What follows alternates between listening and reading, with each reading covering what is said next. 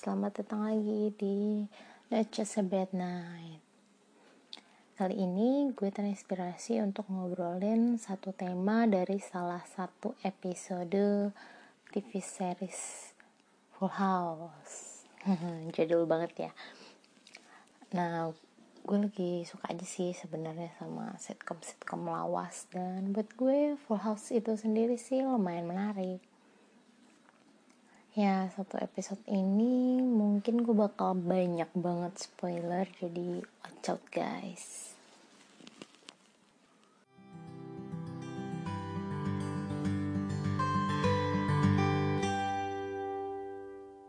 Episode berapa sih yang mau gue omongin itu? Temanya apa sih? Nah ini di season 6 episode 17 yang berjudul silent is not golden. Oke okay, kita bahas dulu serial Full House ini ya. Nah di episode 17 ini Stephanie punya teman sekelas namanya Charles. Well cerita di dalam cerita si Charles nggak sengaja mengindikasikan bahwa ayahnya itu suka main tangan alias sering melakukan kekerasan sama si Charles ini. Suka dipukulin gitulah si Charlesnya ya. Udah gitu si Charles ini udah nggak punya ibu. Jadi eh, nggak uh, ada yang bisa nolongin si Charles nggak ada yang benar-benar menengahi. Jadi mereka hidup berdua Charles dan si bapaknya. Sedangkan si bapaknya ini main tangan. Jadi ya nggak bisa gitu.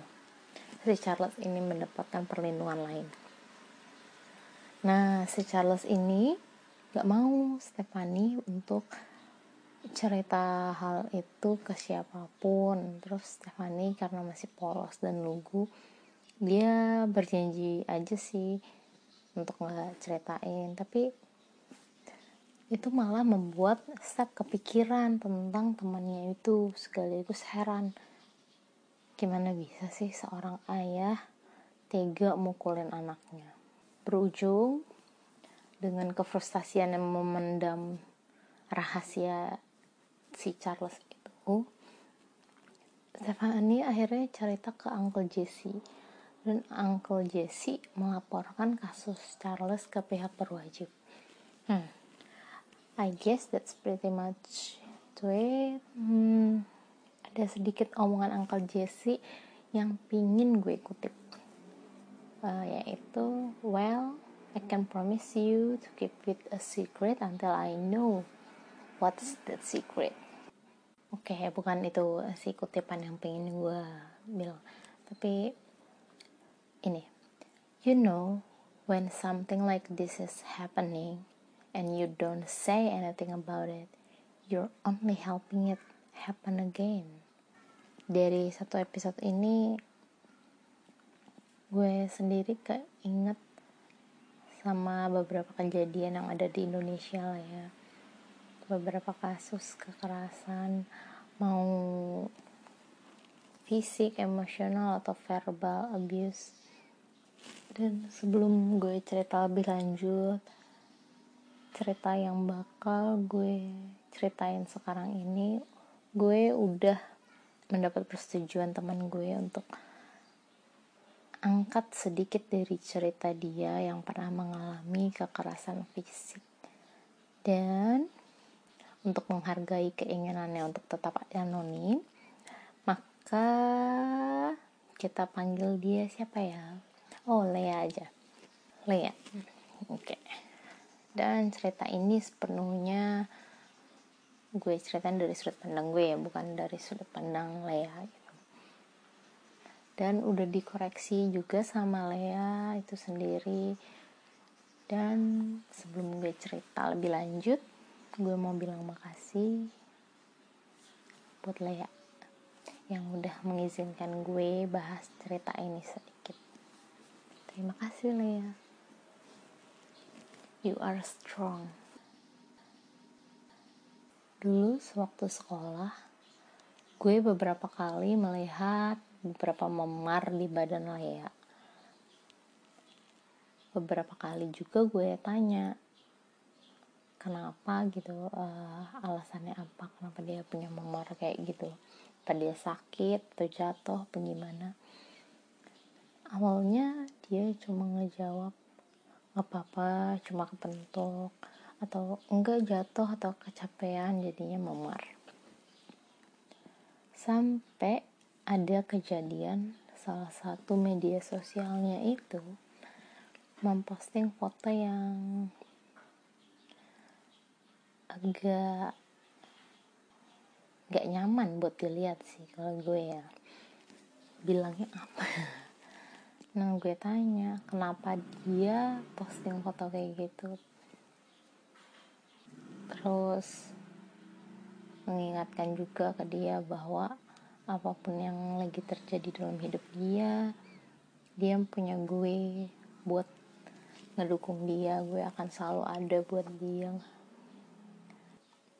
Dan akhirnya dia bilang kalau postingan itu diposting oleh pacarnya. Akhirnya dia berani kan cerita konon pacarnya sewaktu itu marah untuk hal-hal sepele atau bahkan kadang hal-hal yang gak masuk akal sama sekali. Bahkan sering banget main tangan. Kadang Lea belum selesai ngerjain tugas di rumah temen kelompoknya nih. Tapi pacarnya tuh udah dateng ngejemput buat ngejemput si Lea nah kalau si Lea terlambat sedikit gitu atau molor dari yang udah dibilangin itu pacarnya bakalan mukulin dia.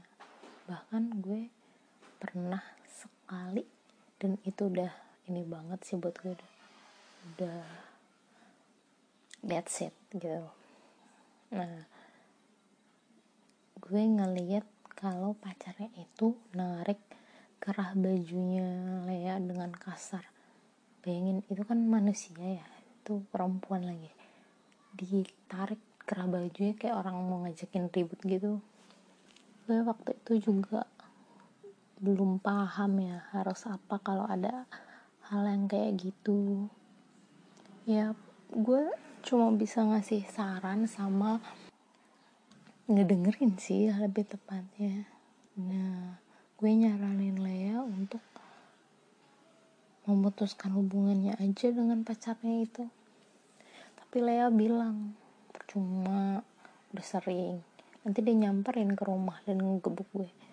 Itu dari situ gue mikir kayak this is something so serious. Ini harus bukan lagi ranahnya kita kita aja remaja gitu untuk nanganin gitu. Ini nggak bisa. Ini harus ada orang dewasa yang tahu menurut gue. Karena kalau udah nyamperin ke rumah itu agak creepy ya dan bahaya banget sih. Gue sendiri nggak tahu harus berbuat apa lagi. Ayah di rumah pasti sendiri karena ibunya kerja. Dan bapaknya atau ke mana gue banyak cari tahu untuk kasus seperti ini tuh. Bisa lapornya ke mana ke siapa. Tapi ya sejauh itu gue nggak menemukan yang benar-benar solutif. Bisa langsung menanganinya saat itu juga.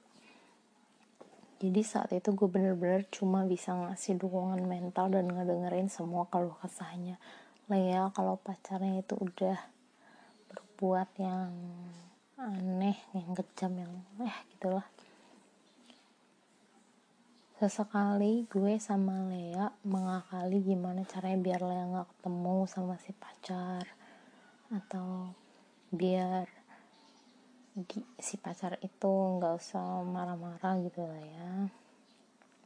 Tapi agak agak sia-sia juga sih karena si pacar ini punya seribu cara aja gitu buat ketemu Lea. Dan mukulin dia juga pada akhirnya nah setelah beberapa lama lah gitu akhirnya Lea berani cerita ke ibunya. Dan ibunya ngebantu Lea buat ngejauh dari laki-laki itu. Kalau gue boleh kutip omongan Lea. Dan emang ini Lea sendiri yang mau nyampein ini omongan ini. Awalnya gue mikir ini aib kejadian kejadian yang memalukan buat diceritain. Tapi bener juga kalau gue nggak cerita nggak berani ngomongin hal ini mungkin hal ini bakalan terjadi lagi ke perempuan lain ke orang lain atau ke siapa pun. Entah dari si cowok itu atau dari si orang lain. Gue takut tuh buat ceritain semuanya. Tapi gue yakin gue punya orang-orang yang ngedukung gue kalau gue nggak sendirian Terima kasih yang sudah mendengarkan. Nanti mampir lagi ya. See you.